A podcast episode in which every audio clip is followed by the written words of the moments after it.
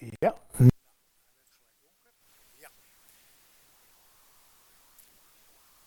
Jezus als hoeksteen voor jou persoonlijk, individu. Maar je blijft, je blijft niet persoonlijk, je komt samen in een gemeente. Het tweede was dus Jezus als hoeksteen van de gemeente. En het derde is eigenlijk Jezus als hoeksteen voor de toekomst. Dat zijn de drie onderwerpen die we in de komende drie zondagen gaan behandelen. De hoeksteen. Ik heb ook even aan onze patriarch uh, Kees hier gevraagd, die was ooit betrokken bij de oprichting van de hoeksteen, van waarom heb je nou gekozen voor de hoeksteen? En toen zei hij, nou ja, uh, want in de, in de statuten komt het nergens meer terug. Uh, ja, de hoeksteen, ja. Wij wilden eigenlijk uh, een soort fundament zijn, een soort basis voor de gemeenschap. En vandaar dat dat begrip de hoeksteen uh, naar voren kwam. En dan mag ik wel verklappen, ze wilden ook geen evangeliegemeente heten, want daar hadden ze de buik van vol. Ze wilden christengemeente heten. Nou, dat is het dus geworden, christengemeente de hoeksteen. En uh, sinds kort staat het zelfs geannonceerd. Dus maar er staat wel in de statuten, en dat is wel een stukje hoeksteen, dat de gemeente een geloofsgemeenschap is van mensen die gemeenschappelijk beleiden dat er geen ander fundament is dan Jezus Christus. 1 Korinthe 3, vers 11. Dat staat in het tweede artikel van de statuten. Goed. Ik kom er nog wel op terug. Jezus als hoeksteen voor jou persoonlijk. Wat is nou eigenlijk een hoeksteen? Ja, en toen ging die niet. Hans, dat uh, gaat voor gemeten, dat, ding, dat gekke ding. Kun jij ingrijpen? Ja, ja dan gaat hij weer, uh, weer veel te hard. Een hoeksteen. Nou, als je uh, een beetje googelt, hier zo'n uh, zo'n grote steen. Dat is dus de hoeksteen, in dit geval in Kirbet Seiloen, het voormalige silo. Een hoeksteen werd gebruikt, eigenlijk, dat, er zijn verschillende benamingen voor, maar het is ook om vooral twee wanden aan elkaar te verbinden. Nou, dat zie je ook in dit plaatje, een Duits plaatje. Uh, daar zie je al die hoekstenen. Nou, dat wordt dan ook een beetje sierlijk gemaakt. Maar het wordt dan ook vaak gebruikt als fundament. Een hoeksteen is een steen die gebruikt wordt om de hoekpunten van bouwwerken te verstevigen en twee muren aan elkaar te verbinden. En de term, als we die vaak gebruiken zo in de spreektaal, wordt die vaak overdrachtelijk gebruikt om aan te geven dat verschillende onderdelen van elkaar afhankelijk zijn. Nou, dat is op zich een mooie gedachte. Het meest bekend is natuurlijk toch wel de strofen die Jezus gebruikt. Die worden ook in de drie evangeliën genoemd, waar Jezus zegt, um, de steen die de bouwlieden afgekeurd hadden, deze is tot hoeksteen geworden. En dat is dan een aanhaling van Psalm 118, vers 22, waar dat dan ook zo staat. Zoals gezegd, als je dan verder in de Bijbel zoekt naar hoeksteen, dan kom je het maar een paar keer voor. De NBG 13 keer, Groot Nieuwsbijbel 9 keer, de Bijbel in gewone taal 0 keer, uh, Willebrordvertaling 11 keer, Nieuwe Statenvertaling 5 keer. Nou, toen ben ik maar even opgehouden, toen vond ik wel genoeg. Maar je ziet dat het vaak wordt vertaald ook met gewoon steen of fundament. Dit eerste gedeelte gaat dus over Jezus als de hoeksteen voor jou persoonlijk. En dat zijn een aantal teksten die ik daaromtrent gevonden heb. En dat is allereerst Psalm 118, vers 22. De steen die de bouwers afkeurden, is een hoeksteen geworden. Een tweede tekst uit Handelingen 4, vers 11 en 12. Jezus is de steen die door u, bouwlieden, vol verachting is weggeworpen, maar die nu de hoeksteen geworden is. Door niemand anders kunnen wij worden gered, want zijn naam is de enige op aarde die de mens redding biedt.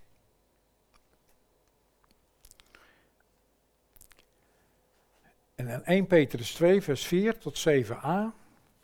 Voeg u bij hem, bij de levende steen die door de mensen werd afgekeurd, maar door God werd uitgekozen om zijn kostbaarheid. En laat u ook zelf als levende stenen gebruiken voor de bouw van een geestelijke tempel. Vorm een heilig priesterschap om geestelijke offers te brengen die God, dankzij Jezus Christus, welgevallig zijn. In de schrift staat immers, in Sion leg ik een hoeksteen, die ik heb uitgekozen om zijn kostbaarheid. Wie daarop vertrouwt, komt niet bedrogen uit. Kostbaar is hij, voor u die erop vertrouwen. Op het eerste gedeelte van deze laatste tekst, uh, levende stenen, bouw voor een geestelijke tempel, daar komen we over twee weken weer op terug, als we het gaan hebben over de gemeente. Maar voor vandaag is belangrijk het stukje wie daarop vertrouwt, komt niet bedrogen uit. We hebben eerder gelezen in die toespraak van Petrus, wat we net gelezen hebben in Handelingen, waarin Petrus zegt tegen zijn toehoorders, want zijn naam is de enige op aarde die de mens redding biedt. Oftewel, door Jezus en door niemand anders kunnen we worden gered. Nou, dan zullen we veel zullen amen zeggen. Nou, dat, weten we allemaal, weet je wel, dat uh, is logisch. Heel helder, heel eenduidig. Heel zwart-wit. Zit geen nuance in. Door Jezus en door niemand anders kunnen we worden gered.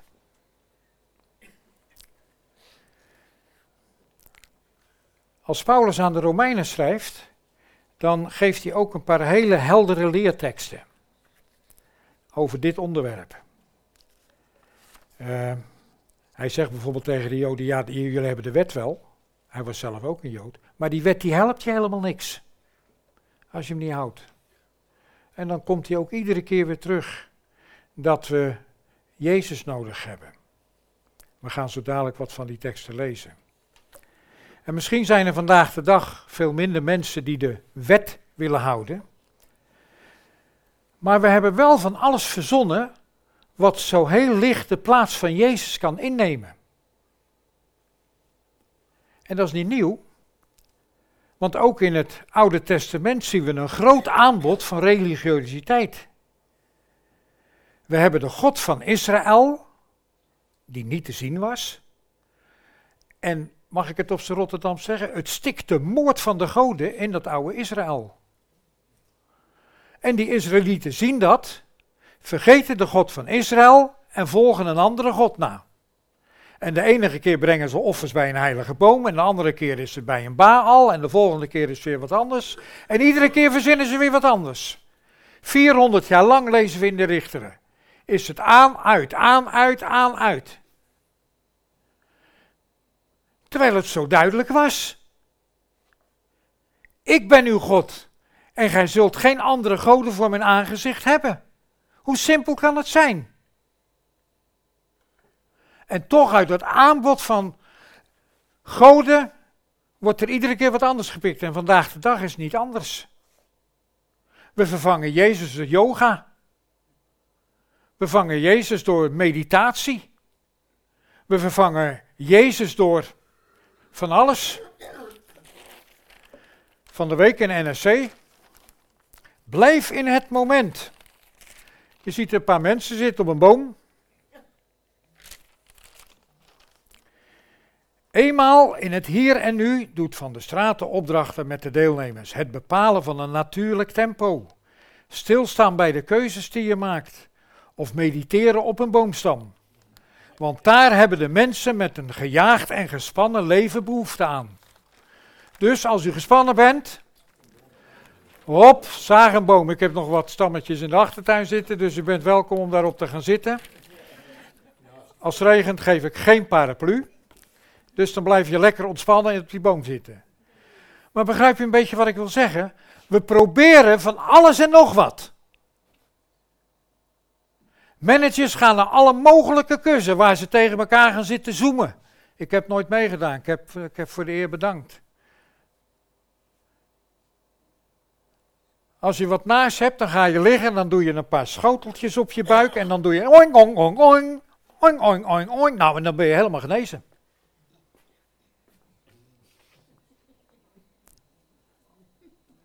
Of je doet wat warme stenen achter je hoofd. Nou is een warme steen achter je hoofd best lekker, als je er niet op hoeft te liggen. Maar waar het mij om gaat is, en ik zeg niet, je moet allemaal ophouden met de yoga en allemaal met dit. Maar op het moment dat het Jezus vervangt, zit je totaal fout. En zo helder wil ik vanmorgen wel zijn. Want alleen door Jezus en door niemand anders kunnen we worden gered. Dus als je redding op een of andere manier nog gebaseerd is op datgene wat er omheen zoemt, vergeet het dan. Je redding is gebaseerd op Jezus Christus. En we gaan zo dadelijk kijken wat dat betekent.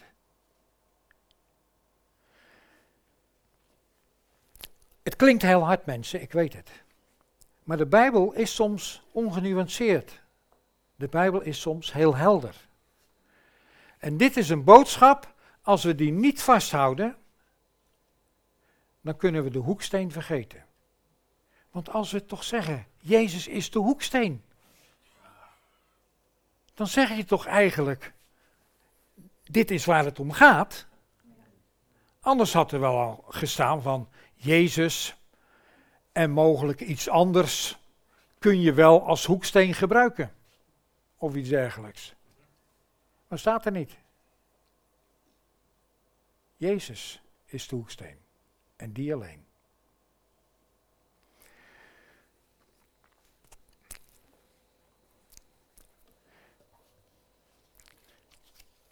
En als je gejaagd en gespannen bent en behoefte hebt aan die ontspanning,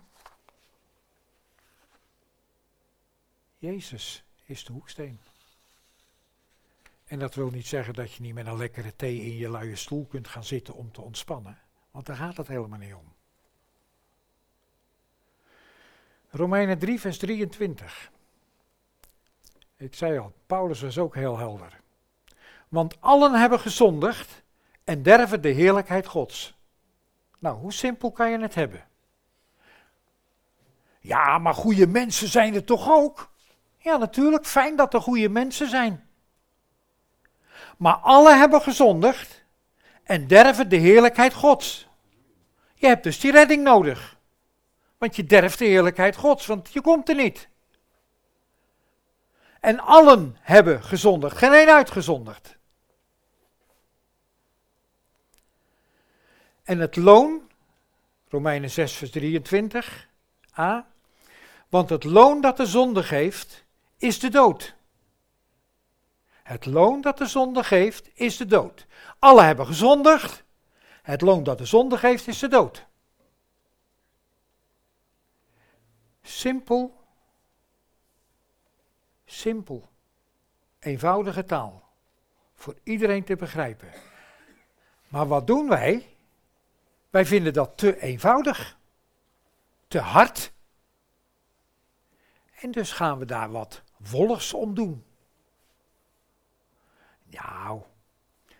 En ik weet wel, een van de dingen waar ik me ook aan vasthoud, is dat Paulus ook verder ergens zegt, ook in die Romeinen, dat als heidenen in hun hart doen wat de wet voorschrijft, wat de Joden niet doen, die de wet kennen, dus als de heidenen die de wet niet kennen eigenlijk doen wat de wet doet, dan zal God hen op grond van hun daden oordelen.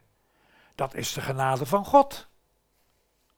Maar deze waarheid blijft zo overeind staan.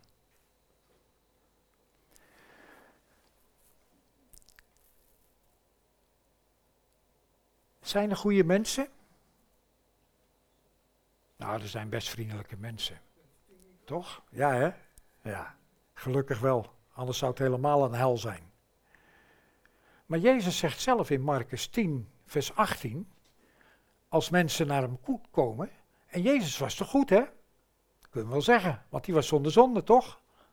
En dan zeggen ze, goede meester. En wat zegt Jezus dan? Wat noemt gij mij goed? Niemand is goed, behalve God. Jezus? Wat noemt gij mij goed? Niemand is goed, behalve God. Dat is dus het uitgangspunt waar we staan. We zijn zondig en kunnen niet in Gods nabijheid komen. En misschien heb je dat allemaal al eens gehoord in evangelisatiepredikingen. En dat is ook goed. Maar het is ook goed om het nog maar eens te horen. En om je bewust te zijn van je uitgangspunt en van je positie. Om je ook des te beter bewust te zijn van de nieuwe positie, waar we het zo dadelijk over zullen hebben. De nieuwe positie die je hebt gekregen in Jezus Christus. We waren gebleven bij het loon dat de zonde geeft, is de dood, maar er is gelukkig een uitweg. Romeinen 3, vers 24 zegt: Alle hebben gezondigd, derven de heerlijkheid Gods, maar dan gaat het verder. En worden om niet gerechtvaardigd uit zijn genade door de verlossing in, Jezus, in Christus Jezus. En bij de Romeinen 6 vers 23, waar dan staat dat het loon dat de zonde geeft de dood is, er staat gelukkig nog achter, maar de genade die God schenkt, is het eeuwige leven in Christus Jezus, onze Heer. Romeinen 10, vers 9. Want indien gij met uw mond beleidt dat Jezus Heer is, en met uw hart gelooft dat God hem uit de doden heeft opgewekt, vorige week hebben we dat herdacht, zult gij behouden worden. Dus als je met je mond beleidt, wat is gebeurd, zul je behouden worden. Is er dan geen andere weg? Het antwoord erop is heel simpel. Nee.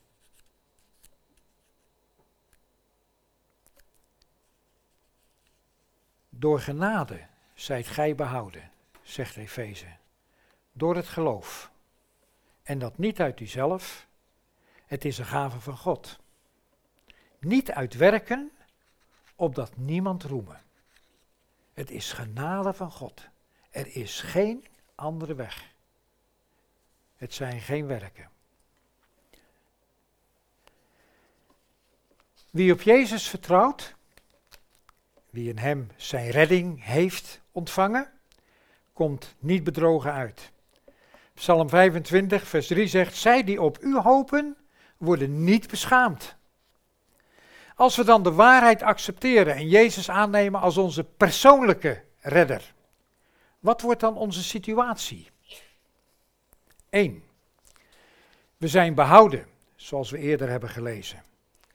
Maar we zijn ook kinderen van God geworden. Mede-erfgenamen. En Gerrit Vink heeft vorige week daarover gesproken, over mede-erfgenamen, mede, ja, mede-kindschap, mede-zoonschap van God. Met, is, uh, hoe heet die, Mephibozet, hè? Die, uh, ja. Een gigantische verandering van onze positie. Waar we voorheen buiten God stonden, we konden immers niet in zijn nabijheid treden, zijn we nu in Jezus Christus mede-erfgenaam geworden. Gerechtigd op datgene wat God als erfenis heeft, want dat betekent dat. Van zondaar, die niet in de nabijheid van God dan zijn, tot zoon en dochter van de levende God.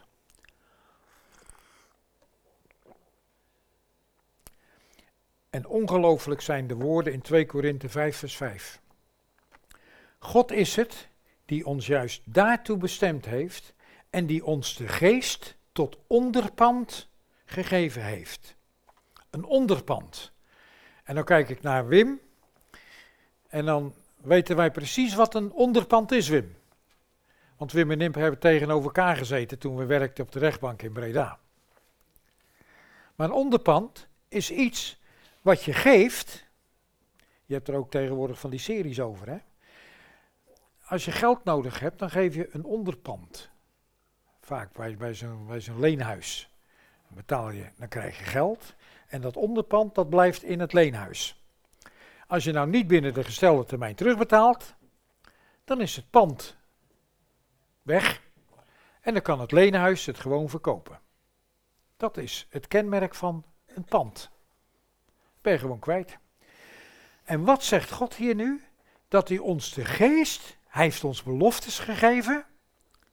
En dan zegt hij eigenlijk om die zekerheid te stellen, geef ik je mijn geest als onderpand. En als je dat dan weer terugvertaalt, dan zou je eigenlijk kunnen zeggen dat als God dus, wat onwaarschijnlijk is, maar zijn belofte niet zou houden, is dat pand zijn eigen geest verbeurd. Zo sterk is dat. Hij geeft ons zijn geest als onderpand. Dat hebben we dus in ons bezit, hoewel je nog geen officieel eigenaar bent. Want eigenaar is nog steeds degene die het in pand heeft gegeven. Hij verliest vast het eigenaarschap als hij zijn belofte of zijn schuld niet nakomt of niet inlost. Wij hebben die geest als het ware om mee te doen wat wij willen. Er wordt wel eens gezegd, de Heilige Geest is een gentleman, die dwingt je niet. Nou, dat klopt ook. Want de Heilige Geest dwingt je niet. De Heilige Geest is ons gegeven.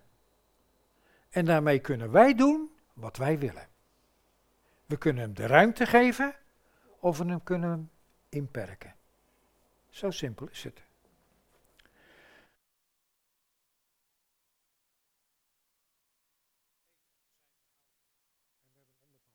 We hebben Gods geest ontvangen. 1 Korinthe 12, vers 3. We hebben Gods geest ontvangen, ieder van ons. Opdat niemand kan zeggen, want niemand kan zeggen, staat er in Korinthe, Jezus is Heer dan door de Heilige Geest. En daarmee wil ik gelijk ook, en dat hebben we misschien ook wel eerder gehoord, maar ook afrekenen met iets. We zeggen vaak, dat klopt. Meer. Als je niet kan zeggen, Jezus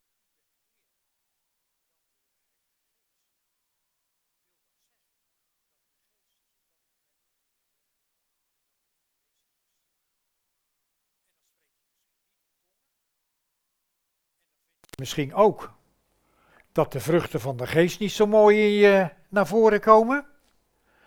Maar die geest is wel in jou aanwezig. Want anders kun jij niet. Je bent Heer. Dus laat niemand mensen iets wijs maken.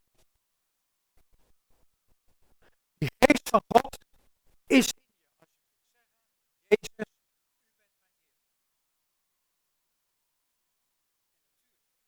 Jezus is er dan nog meer mogelijk. Je mag vervuld worden. Wat is dan vervulling? Nou, niets anders dan dat je, wat ik net zei, dat je zegt geest, u bent als onderpand gegeven.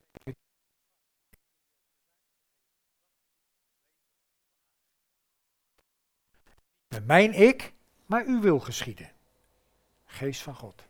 Dat is vervulling in een andere vertaling. We maken er vaak van die verhalen van, van die kastelen, van die moeilijk bereikbare toestanden. Maar het is zo simpel.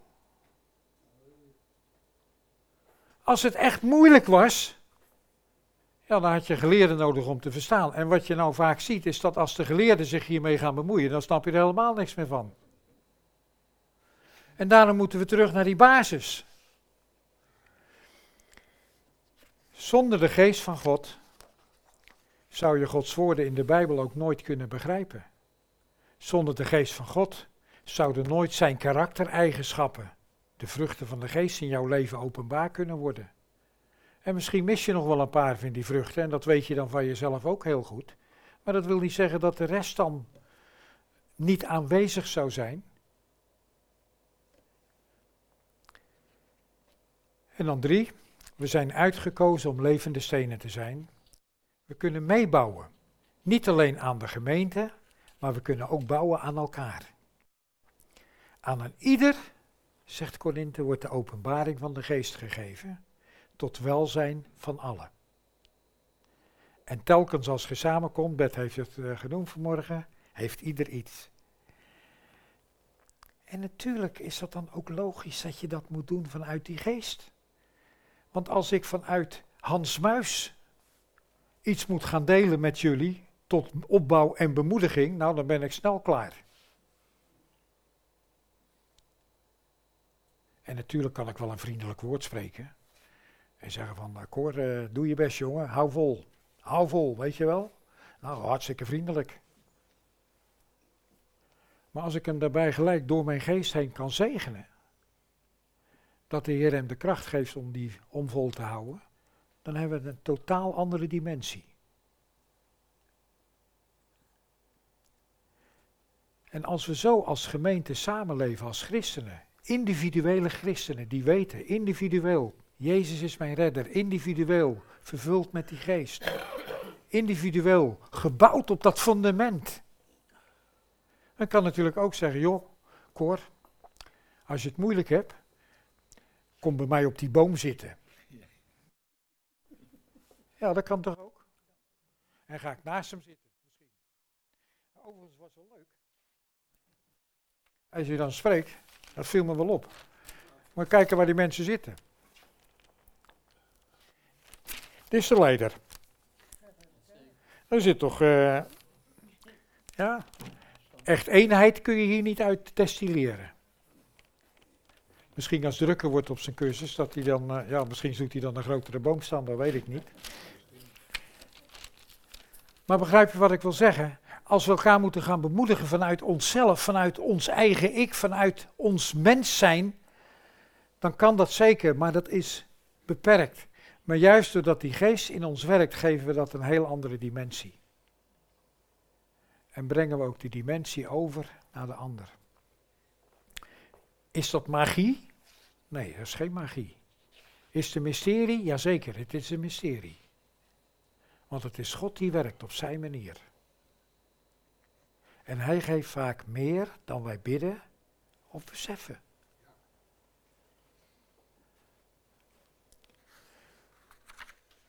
Wat betekent dat nou praktisch? Want nou hebben we zitten luisteren en je zegt, nou, mooi verhaal, of misschien helemaal geen mooi verhaal. Maar wat betekent dat nou voor mij?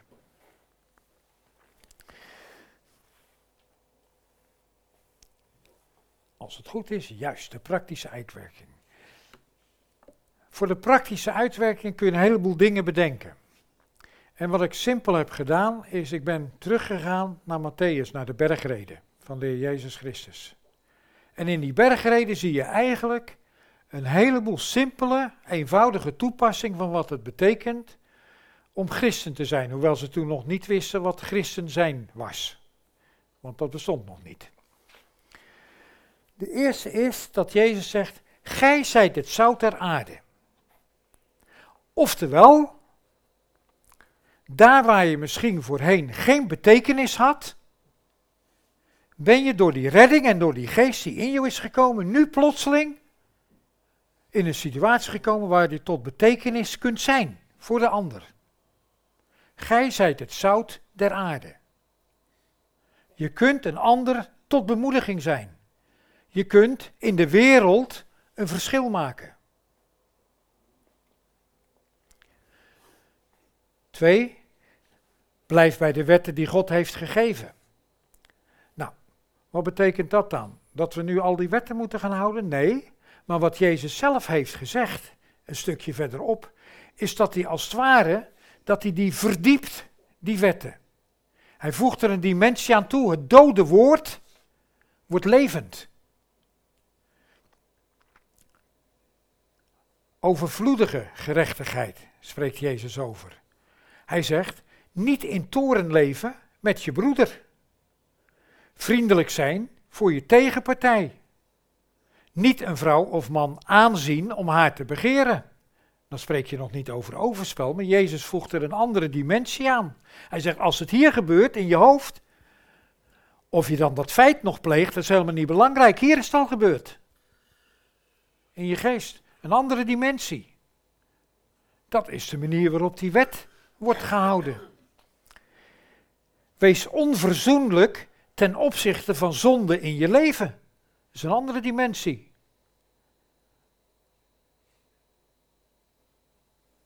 Hak je hand af als hij je tot zonde verleidt. Haal je oog eruit. Ja, dat is uh, redelijk uh, drastisch. Ja? Maar dat moet je niet doen hoor. Is over een keer. Want, uh,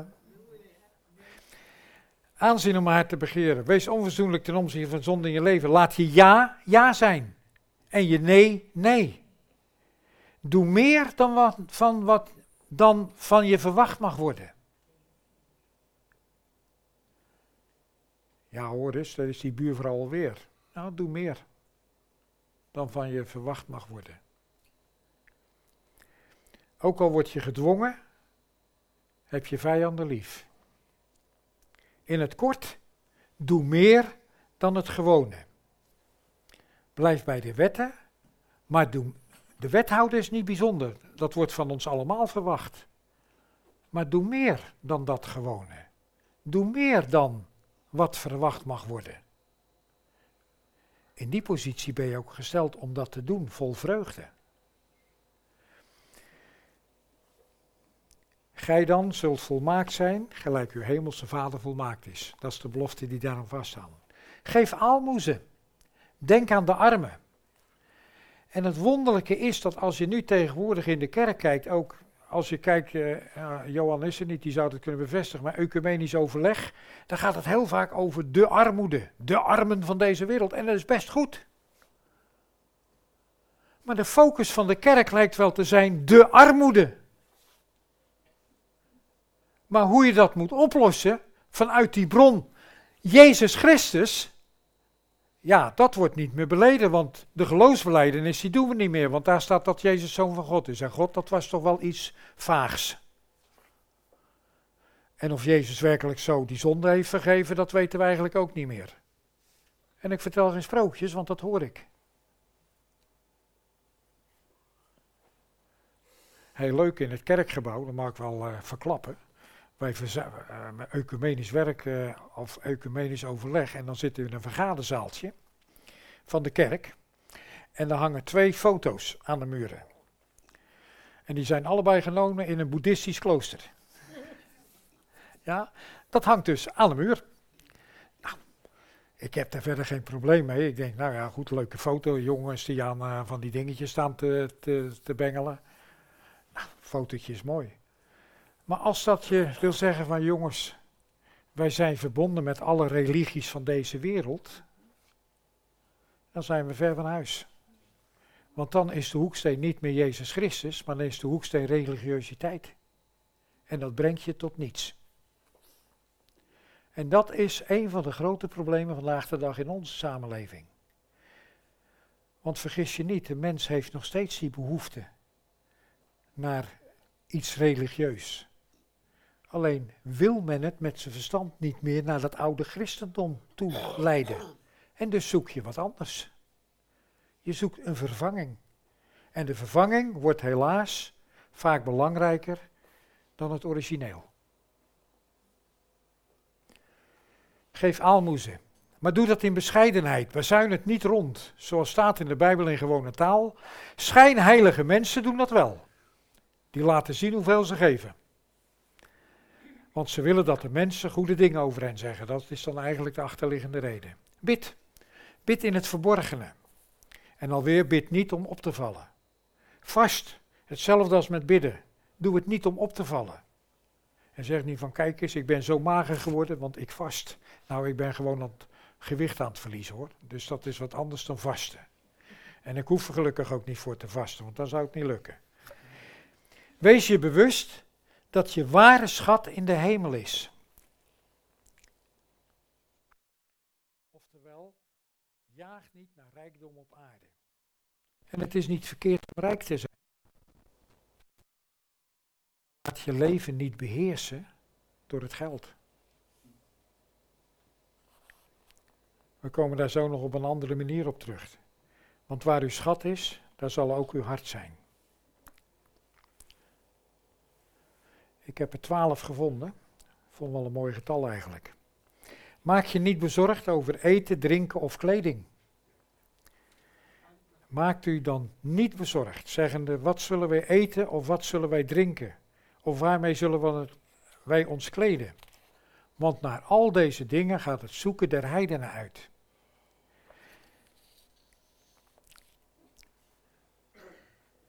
We worden vaak zo overmand door de zorg. Als je de kranten leest ook, we denken nou alweer van, uh, oh jee, als het maar goed gaat met al die hypotheken en al die dingen weer. En natuurlijk, als je jezelf in een moeilijke positie brengt, dan kan je best zorg hebben. Maar als je vervolgens je leven de zorg is, heb je geen leven. Maar laat je leven, ondanks de zorg, Christus zijn. Want hij weet wat je nodig heeft, hebt. Hij weet het. Ook als je jezelf misschien in die positie hebt gebracht. En als je door omstandigheden in een positie bent waarin je je zorgen moet maken. En denk je nou dat rijken die zorg niet hebben? Ik zal nooit vergeten, ik, je had uh, de prins van Lignac, heb je er wel eens van gehoord? Dat is de voormalige eigenaar van Keurkoop en Lectorama. Gewoon een Rotterdamse jongen. Maar die is ongelooflijk rijk geworden. En die heeft zich toen ook de titel Prins van Lignac, die was beschikbaar, die heeft hij gekocht. Dus die zit nu op zijn boot, uh, daar bij de Riviera. Hij heeft dan ook nog een chauffeur met een Bentley, want hij, wil, hij houdt eigenlijk helemaal niet van varen, maar hij heeft wel een boot. Dus als hij nou van, bijvoorbeeld van, van de ene stad naar de andere moet, dan stapt hij gewoon af. Laat hij zich in die Bentley naar die andere haven brengen. Daar vaart die boot heen en stapt hij daar weer aan boord. De prins van Lignac. Maar daar heb ik eens een interview mee van gelezen. En die, toen zeiden ze van, ja, eh, u bent heel rijk. Ja, u bent heel rijk, hoeft maar nergens zorgen over te maken. Toen zeiden ze, maar hoeveel heb je nou nodig om echt rijk te zijn?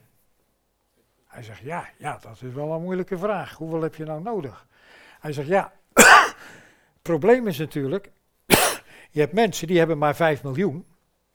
Zo zei hij dat.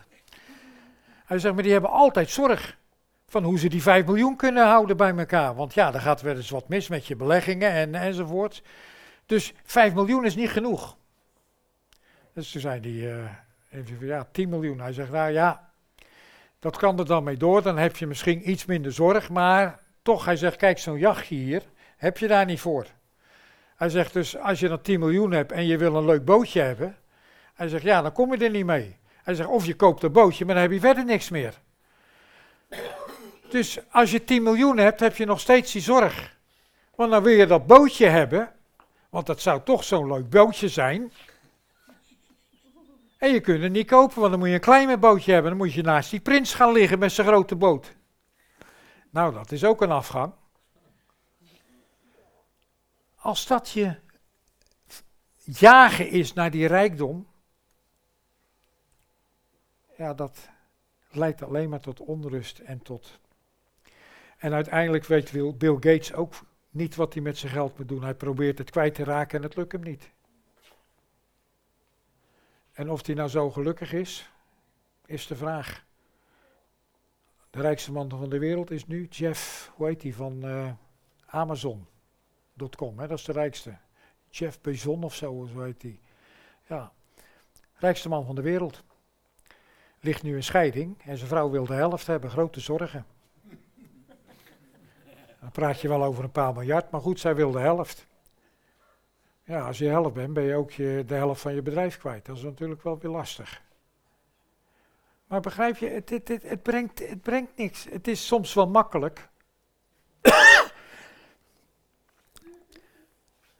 Maak je niet bezorgd. Daar gaat het om. De Heer zorgt voor je, of je nou arm of rijk bent. Maak je niet bezorgd. Oordeel niet. Omdat je zelf niet geoordeeld wordt. Doe eerst die balk uit je oog weg. En dan zult gij scherp kunnen zien om de splinter in het oog van je broeder weg te kunnen halen. Bid en u zal gegeven worden. Zoekt en je zult vinden. Klopt en u zal open gedaan worden. Heel praktisch. Je mag bidden, je mag kloppen, je mag zoeken. Je mag naar de Heer toe met je vragen. Alles wat je nu wilt, dat u de mensen doen, doet gij hen ook al dus. Behandel de mensen zoals je zelf behandeld zou willen worden. Wacht je voor valse profeten. Heel praktisch. Als er iemand komt die zegt, ja, Jezus alleen, joh, dat, dat kun je niet meer maken in deze tijd hoor. Dat klinkt helemaal niet goed.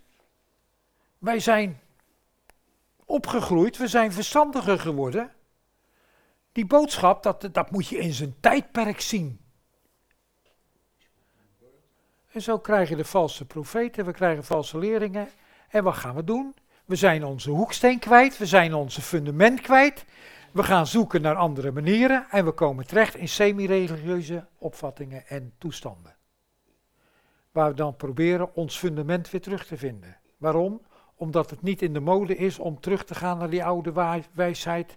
Dat we zeggen, en het is Jezus alleen. Wacht je voor valse profeten. Daarom staat er ook in het Nieuwe Testament, toetst alles. Toets heel bewust wat ik vanmorgen gezegd heb. Toets dat.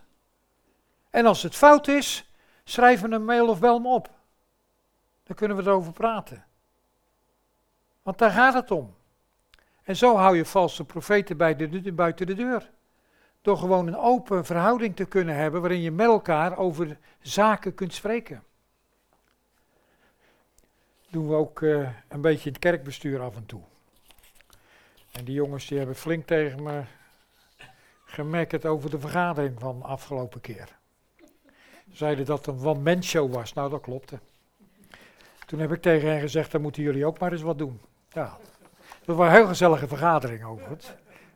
Maar begrijp je, je bent aan elkaar gegeven. Je mag elkaar daarin ook ondersteunen. Je mag elkaar daarin gaan leiden. Je mag elkaar gaan helpen, corrigeren. Zodat we met elkaar gaan ontdekken wat het betekent om Jezus als fundament te hebben. En dat is zo geweldig, mensen. Ieder die mijn woorden hoort en ze doet, zal, op, zal gelijken op een verstandig man die zijn huis bouwde op een rots. En de regen viel neer, en de stromen kwamen, en de winden waaiden, en stortten zich op het huis, en het viel niet in. Want het was op de rots, doe ik zijn, gegrondvest. Lijkt dit alles onmogelijk? Zeg je misschien, als je dat zo hoort, dat is wel voor anderen, maar niet voor mij. Laten we dan nogmaals Psalm 118 lezen in de Bijbel in gewone taal. Bouwers gooien soms een steen weg, maar die steen kan juist de belangrijkste worden. En dan volgt op vers 22, vers 23, dat doet het wel meer. Maar die vertaling van Bijbel in gewone taal vond ik heel bijzonder hier. Daar staat, zo worden soms onbelangrijke mensen belangrijk. Het is de Heer die dat bepaalt. Wij kunnen dat niet begrijpen. Zo worden soms onbelangrijke mensen belangrijk. Het is de Heer die dat bepaalt, die dat bewerkt. En wij, hoe dat werkt, dat kunnen we niet begrijpen. Nou, ik vind dat geweldig.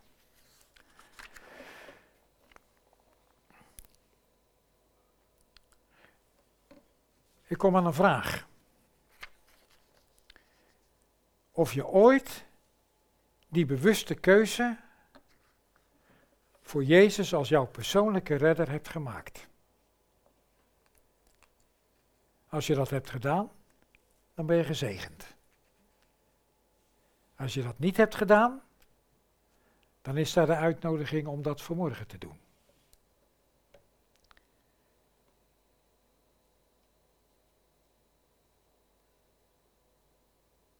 Heb je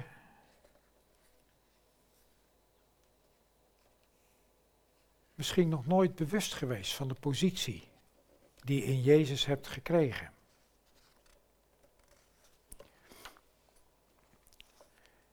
Dat je vertrouwt op Hem. En misschien heb je in het verleden op Jezus vertrouwd.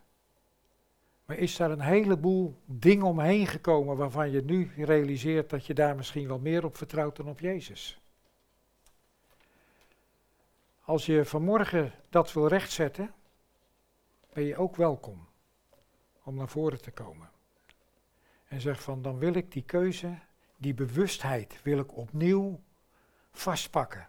Dat ik bewust niet meer vertrouw op alle dingen daaromheen, maar bewust vertrouw op Jezus Christus. Heb je dat, ben je dat bewust? Dan ben je gezegend. Ben je bewust van de positie die je in Jezus Christus hebt gekregen? De dingen die je in Zijn kracht kunt doen. Praktisch. Ten opzichte van elkaar, ten opzichte van de wereld waarin je leeft. Als je die positie bewust bent, dan ben je gezegend. En als je zegt, nou die positie is me eigenlijk opnieuw duidelijk geworden en ik wil dat opnieuw vastpakken, dan ben je welkom om naar voren te komen.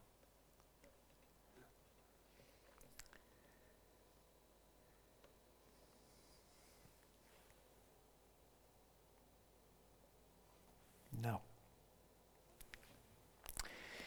De laatste slide zegt, laat Jezus de hoeksteen zijn van jouw persoonlijke leven. En ik wil eindigen met gebed. En eigenlijk wil ik u ook vragen om een ogenblik stil te zijn, om uzelf te onderzoeken. En als die boodschap voor u is vanmorgen, als het op enig moment heeft ingesproken op uw leven, op uw gedachten, dan is daar de ruimte om een besluit te nemen om dat te veranderen. En ik wil u zo vragen om een ogenblik stil te zijn, misschien te gaan staan. En als u zegt van nou, het heeft me aangesproken, ik wil dat bewust doen vanmorgen, kom dan rustig naar voren. En dan komen ook wat andere mensen best naar voren en die gaan met u bidden. Om dat besluit ook te bekrachtigen. Zij kunnen dat besluit niet voor u nemen. Dus het is niet zo van als Fred en Thea voor mij bidden, om maar iemand te noemen. Ja, dan, eh, dan wordt het geweldig. Nee, dat besluit neem je zelf. Maar degene die met u bidden, die zijn als het ware getuigen van dat besluit dat je neemt. En zo mogen we elkaar tot steun zijn. Zullen we met elkaar bidden? Wilt u opstaan? Dank u wel dat u deze ochtend hebt gegeven. En dat we mogen stilstaan bij het feit dat u onze redder bent. Mogen stilstaan bij het feit dat er geen andere naam onder de hemel is die ons gegeven is. Tot redding. Maar we danken u tegelijkertijd dat we vanuit die onmogelijke positie die we hadden in de zonde, dat we tot u mogen komen. En dat we met onze mond mogen beleiden dat u de Heer bent. Heer, en wat geweldig dat u ons dan vanaf dat moment beschouwt als uw kinderen, als mede-erfgenamen, dat u vanaf dat moment ons wil gebruiken. Tot zegen van elkaar, tot zegen van deze wereld. Dat u vanaf dat moment, als het ware, onze situatie, onze persoonlijke situatie, een totaal andere dimensie geeft. Omdat we ons geen zorgen meer hoeven te maken, omdat we mogen steunen niet op omstandigheden, niet op dingen die misschien eromheen zweven, maar dat we mogen steunen op u en dat we u mogen vasthouden. U bent onze rots, u bent het fundament. Heer, dat beleiden we met elkaar vanmorgen en we prijzen daarvoor uw grote en heilige naam. En we danken u, Heer, dat we zo naar u mogen opzien. En als je vanmorgen dat een besluit wil nemen of een keuze opnieuw wil maken, kom dan rustig naar voren en dan komen anderen vanzelf mee. En dan gaan we zo dadelijk de dienst afsluiten, we bidden en we gaan uh, op tijd koffie drinken.